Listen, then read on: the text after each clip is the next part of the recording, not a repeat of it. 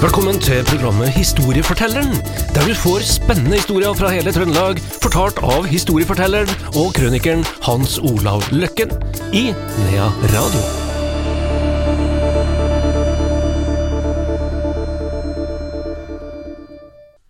Historiefortelleren tilbake, velkommen igjen, Hans Olav Løkken. Jo, takk. Vi eh, skal i dag faktisk eh, ha en litt eh, trist og tragisk historie, men den er sann. Den er sann, ja. Den er virkelig sann, og den er, den er mest slående på grunn av eh, hvordan historia er eh, behandla og oppfatta borte i Amerika, som er kanskje litt overraskende på de som vokser opp i dag, men det var en annen tid, da. Og Vi skal eh, litt tilbake. Vi skal oppover til Flora i Selbu, det er jo Flora i Stjørdal nå, men det her er da Flora i Selbu, og der er det en eh, kafeteria. Der, eh, og hvis den går på andre sida av veien der, da, der er det et stoppested, og det heter Uthus, og der går det opp en vei. Og når du kommer opp på toppen der, så kommer du til et lite småbruk som da heter Bakken. Og det er jo mange personer, både du, Andreas, og jeg kjenner, som stammer både fra den gården og, og fra Selbu her, da. Og eh, der eh, er det ei som heter Marit, da. Marit Bakken. Hun eh, hadde nok tjenestegjort eh, på en gård på Stjørdal, det har jeg funnet ut. Eh, hun begynte å bli litt eldre, og det høres kanskje litt rart ut at jeg sier at hun var 26 år, men på den tiden her, nå skal vi altså gå tilbake da, til slutten på 1800-tallet og først på 1900-tallet, så burde du kanskje vært gift når du var 26. I dag så er jo ikke gift før vel i snitt på er det 31, tror jeg, der omkring. Eller i hvert fall få ditt første barn på 31 eller der omkring, tror jeg. Men eh, sånn var det ikke den gangen. Så hun var Hun begynte å utvikle seg til å bli det vi kaller gammel møy, som vi sier da her. Hun eh, fant ut at hun skulle utvandre i lag med tremenning og, og bestevenninna Oline Flakne. De har nok antagelig fått brev fra Amerika, og antagelig fått uh, beskjed om at de kunne få seg jobb borte i Minneapolis. Så det var lettere da på en måte å utvandre i og med at det var jobb å få. Så hun uh, tar jo avgjørelsen. Noen av brødrene uh, som ble igjen, de følger henne nedover bakkene, ned mot, mot elva.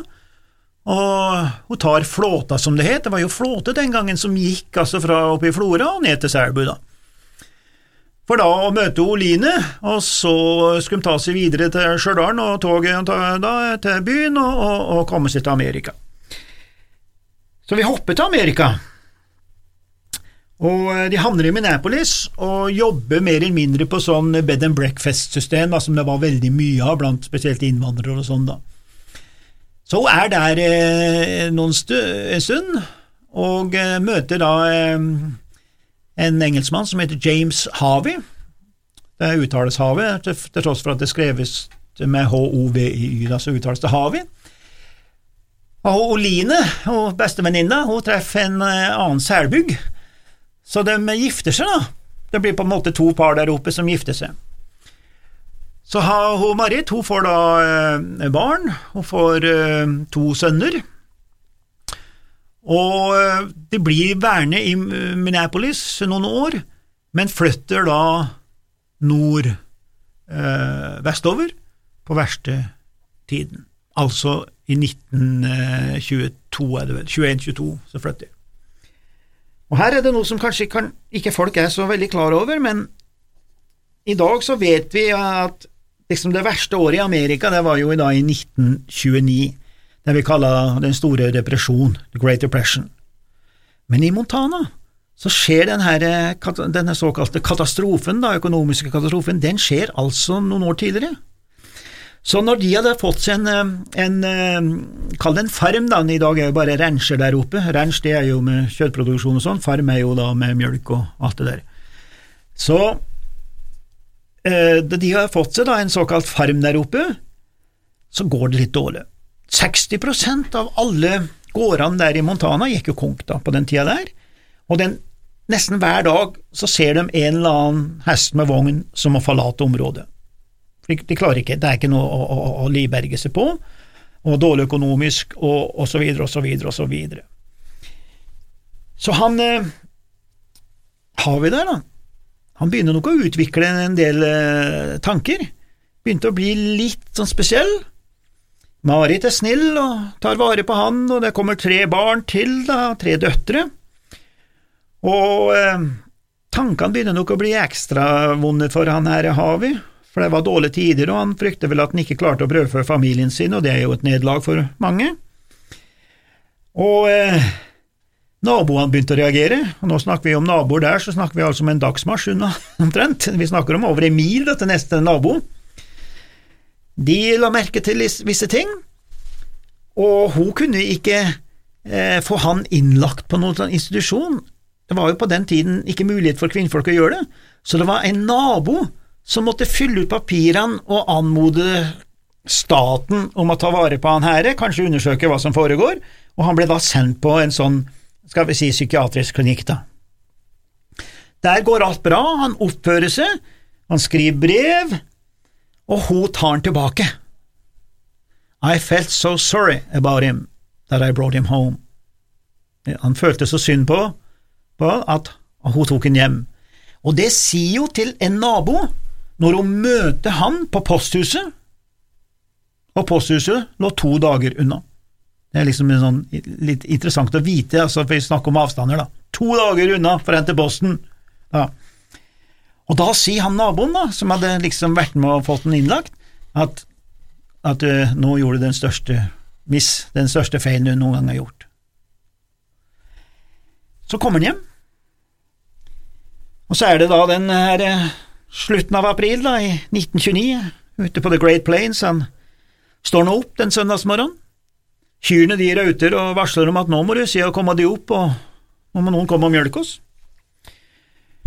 Han føles litt rar i hodet, og han går ut. Han går ikke inn til kyrne. Han går inn til en liten låvebygning ved siden av og henter ei øks.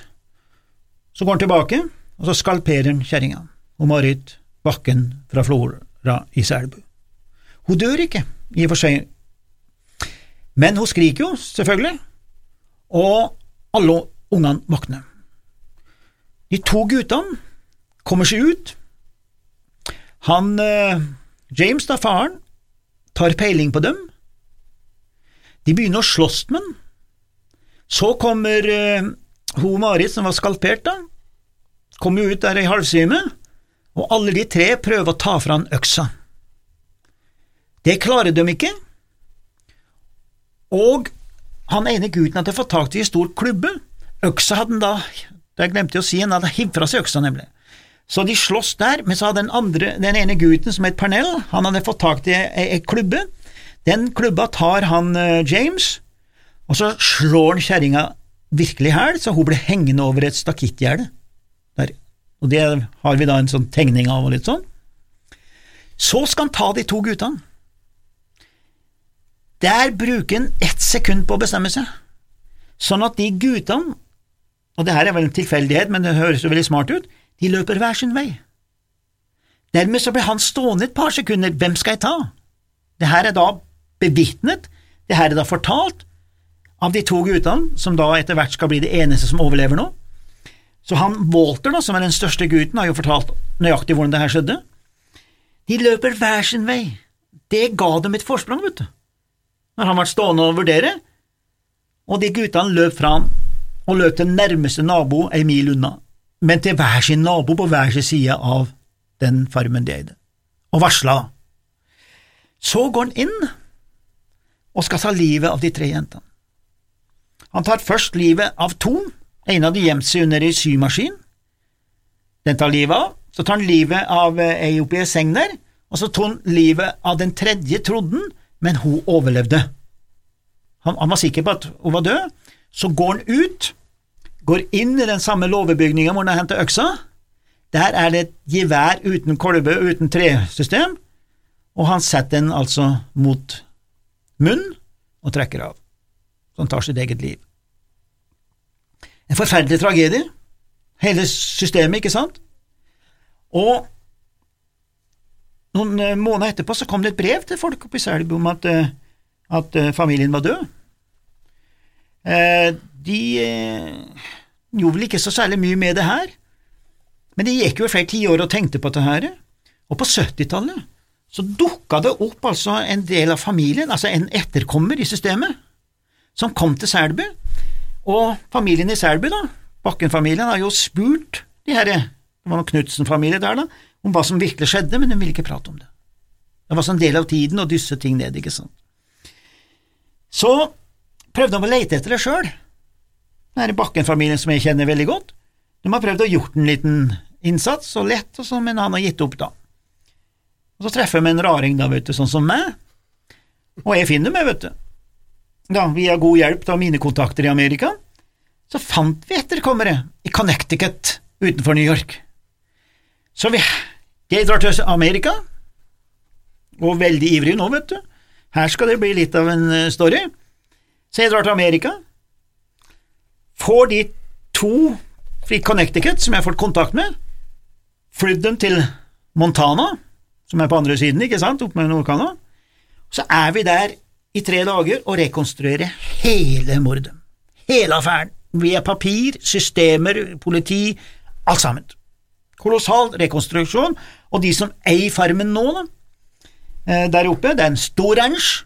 Vi brukte én time fra veien til bort til våningshuset, og vi kjører ganske raskt i Amerika, det kan jeg bare fortelle, det går high speed. Kolossale distanser.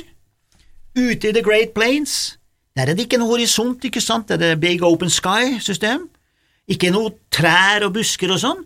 Det er hardtrampa av 30 millioner bøffel gjennom flere hundre år.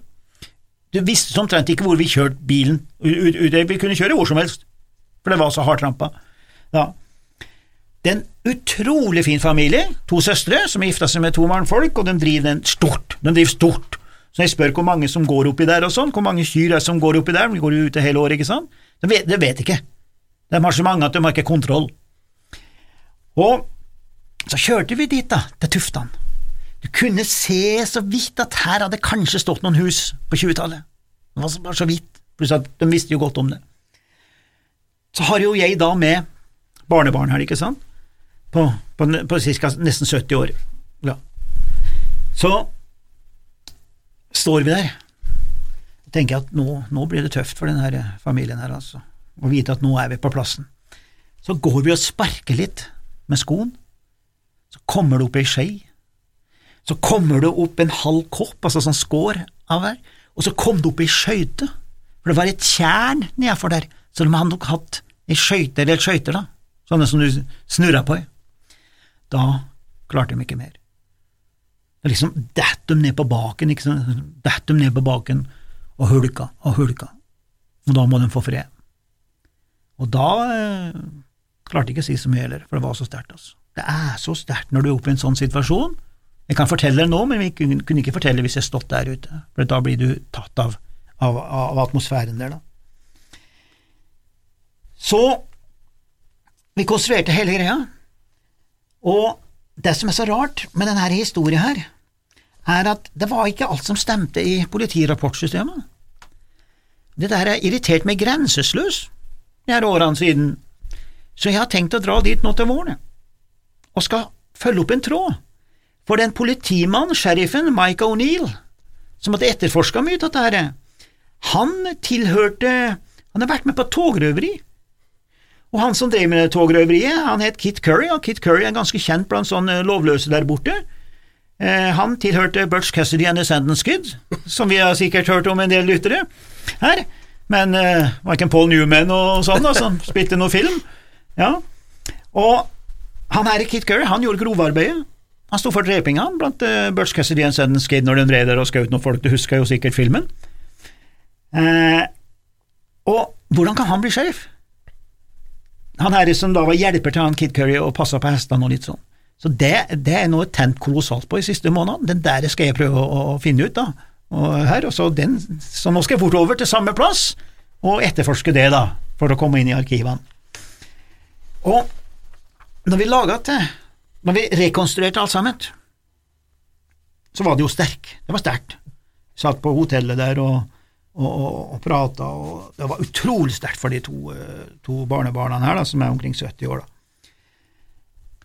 Og eh, jeg skrev jo et utkast, da, men så har jeg jo den, eh, den lille godheten i meg da, at jeg trykker ikke noe før jeg får tillatelse fra familien. da. Og de syntes det var greit alt jeg hadde skrevet og alt mulig sånn, men jeg måtte inngå en avtale med dem at det skulle ikke trykkes på engelsk. For nå skal jeg utgi over 30 historier i Amerika. Jeg skal få oversatt fra profesjonelle folk, og så skal jeg gi ut ei bok der borte. Håper i hvert fall å gi ut ei bok med de amerikanske historiene mine, men jeg skal ikke ha med den her, for jeg lovet at det skal ikke trykkes på engelsk. Og når, jeg, når de sa det til meg, så tenkte jeg, hvorfor ikke det? Altså, nei, for de ville ikke at dømmers barn igjen, altså oldebarna, skal vite sannheten. Fordi at i familien, der de har fortalt, da, var at besteforeldrene, eller oldeforeldrene, ble altså da drept i ei bilulykke med en T-Ford. Ikke at de ble drept av sin bestefar og oldefar. For de vil ikke at ungene skal tro at det er et feil gen i familien.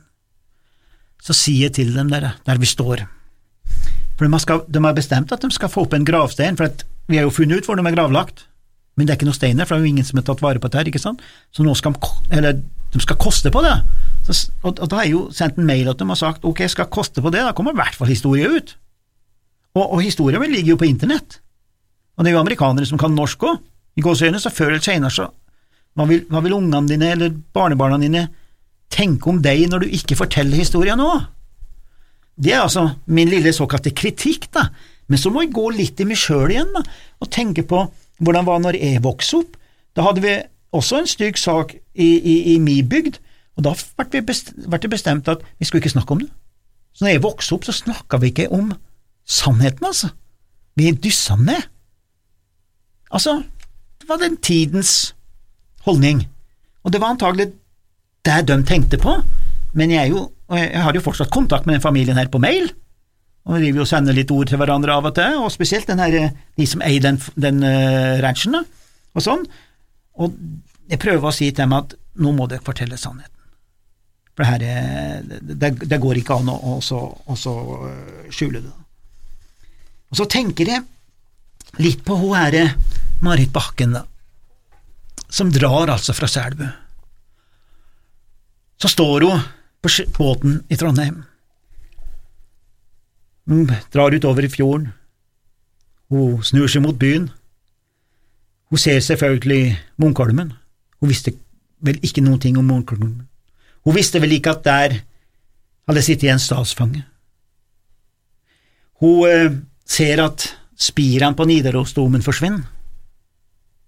Hun titter igjen bort på den her holmen og kanskje er det noen som sier til henne at der har Griffenfeldt sittet. Hun har jo aldri hørt om Griffenfeldt, sjøl om det er mange hundre år etterpå. Hun har kanskje aldri vært i Trondheim. Så står hun der, helt uvitende om han Griffenfeldt, som gikk og rissa inn en ring og navnet sitt i veggene i 18 år på, på, på Munkholmen. Hun visste selvfølgelig ikke at hun om 17 år senere skulle risse sitt navn inn med blod i Montanas historie, på grunn av sin godhet og snillhet. Jeg brakte ham hjem, for jeg følte så synd på ham.